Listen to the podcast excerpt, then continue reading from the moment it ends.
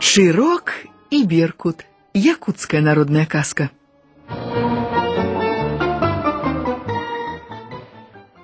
Калісьці даўным-даўно птушкі жылі на адным месцы і не ведалі ніякіх пералётаў. Усе яны пражывалі на цёплым поўдні у гарачых краінах. Жылося ім прывольна і сытна, і птушыны народ пладзіўся без усякай меры. І вось птушак стала гэтак многа, што зрабілася ім цесна на роднай зямлі. Пачало не хапаць корму для птушанят, пачало не хапаць месца для гнёздаў, ды яшчэ настала такая спякота, што пачалі ў гнёздах прападаць яйкі. Што рабіць? Птушыны народ сабраўся на сход. У нашых мясцінах стала цяжка жыць, гаварылі птушкі. Улетку занадта горача, вада высыхае, яды не хапае, а на далёкай поўначы кажуць, раскінуліся бязмежныя землі, каб як гэта даведацца, ці можна там жыць, ці ёсць там вада, ці ёсць корм для птушак. Добра было б на ўсё лета адлятаць на поўнач. Трэба выбраць каго-небудзь дужага і разумнага, няхай ён будзе нашым правадыром, нашым уладаром, і мы пашлём яго на поўнач, няхай ён разведае, што там за зямля. Выбралі беркута.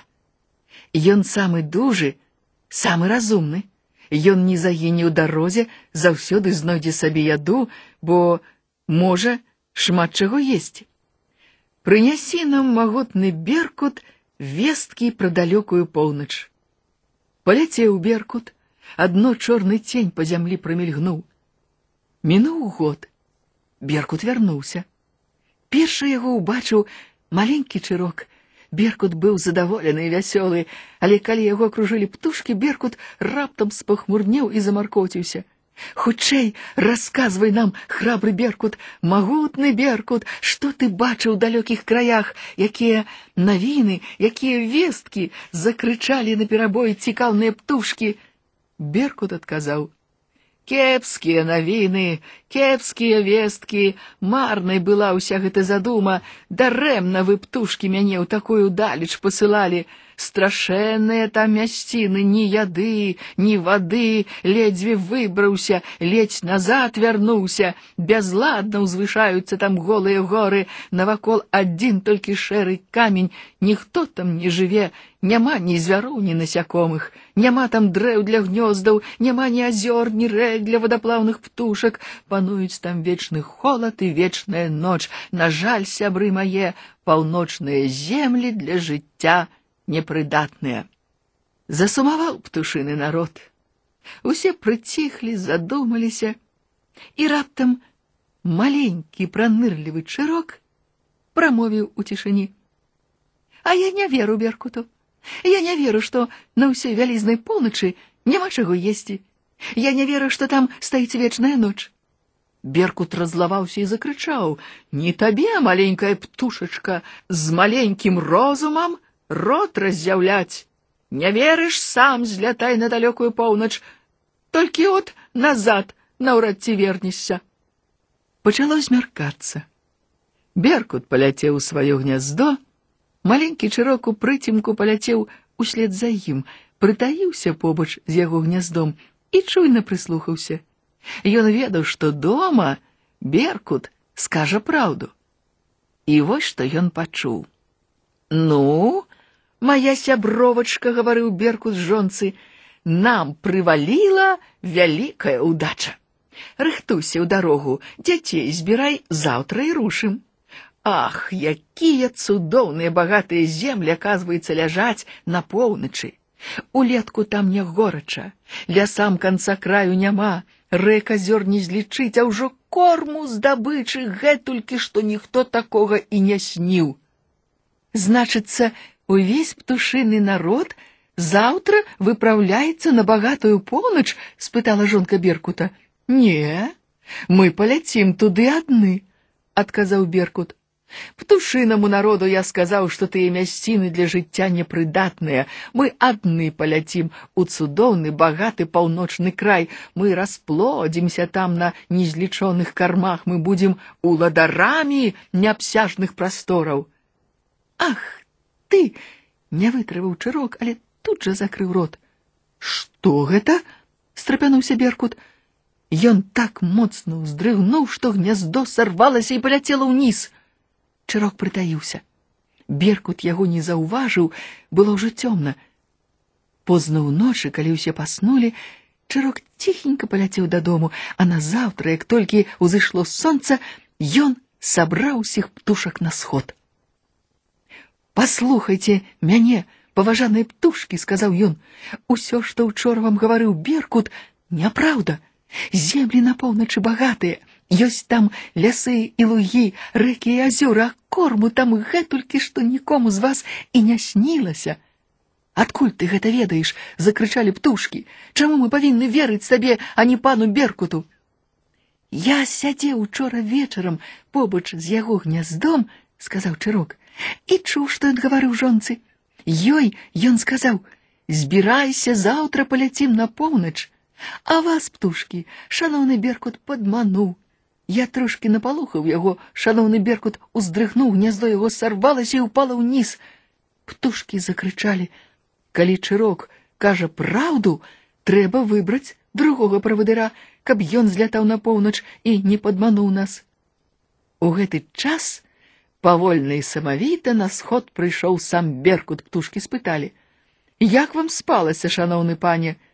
Ох, кепска, сказаў беркут, сярод ночы гняздо маё сарвалася і паляцела ўніз, давялося мне спаць на зямлі. Птушкі пераглянуліся, аказваецца, чырок казаў праўду. І тады яны сказалі беркуту так: шаноўны пане, ты засмуціў нас учарашнім расказам. Засмуціў, але мы не страцілі нашай надзеі. Табе мусіць не пашанцавала, ты мусіць трапіў у кепскія мясціны. Мы думаем, што калі ляцець туды, адкуль дзьме халаднаваты ветер, дык можна знайсці багатую зямлю. Цяпер мы э, пашлем на поўнач другую шаноўную птушку, выберам другога правадыра. Ты не будзеш крыўдаваць. Што тут гаварыць беркуту, і ён сказаў: « Не, не буду. Тады сказалі жураўлю: « Шаноўны журавель, цяпер табе мы давяраем стаць нашым правадыром. Табе давяраем злятаць на поўнач, пашукаць добрыя землі. Ты станісты і прыгожы, разумны, асцярожны, крылы ў цябе вялікія, лятаеш добра, ногі ў цябе доўгія, бегаеш добра. На зямлі ты паясі чарвякоў, а на балоце жаб. Ляці на поўнач, шаноўны журавель, прынясі нам добрыя весткі. Журавель ганарыста выйшаў наперад і сказаў: вы правильно зрабілі птушкі, што выбралі правадаром мяне. Я задаволены, я палячу.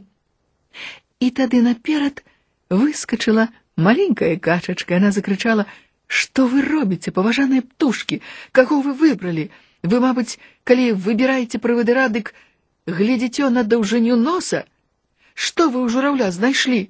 Доўгія ногі, доўгая шыя і гучны бязглузды крык. Журавель самая дурная птушка, ні розуму, ні памяці. Каля першага ж балота ён забудзе пра нас, нажарэцца жаб і вернецца. Пачуўшы такія словы, журавель рынуўся на качачку і давай дубасіць яе сваёй доўгай моцнай дзюбай. Ён пераламаў бы ёй крылы ногі зусім забіў бы, але народ заступіўся, журавля адцягнулі. Качачка сказала: і гэта называецца кожны вольны гаварыць на сходзе, што думае, ажно не, оказывается, не можна слабаму і слова вымавіць супраць дужага. От глядзіце птушкі, якога разумнага і справядлівага важака вы сабе выбралі. Ага, ага, ты няправільна зрабіў, журавель загаманілі птушкі, не трэба было гэта гарачыцца, не трэба было ушчынаць бойку. Качачка гаварыла груба, мы яе пакаралі б, Трэба было б пазбавіць цябе звання правыдырады, на жаль, няма нікога другога годнага. Як гэта няма годнага закрычала качачка. Вось сядзіць асіла карол, Ён і па імені пан. Хто бачыць гэтак далёка, хто лятае гэтак высока, хто гэтакі великодушны, як ён? Птушкі сказалі: « А і праўду ж кажа маленькая качачка. Ён самы разумны, ён самы лепшы. Выбралі орла, попросілі яго злятаць на поўнач, ён хутка вярнуўся і сказаў: « Землі там богатыя і цудоўныя, лета не гарачае, ніводная яйка там не сапсуецца, ніводная птушаня не загіне, усім нам трэба на лета ляцець на поўнач. І птушкі паляцелі на нашы прывольныя паўночныя землі. З таго часу яны прылятаюць да нас кожнае лета. Праўда, журавель не ляціць далёка на поўнач, туды, куды качкі. Беркут прылятае, але хаваецца у лясах.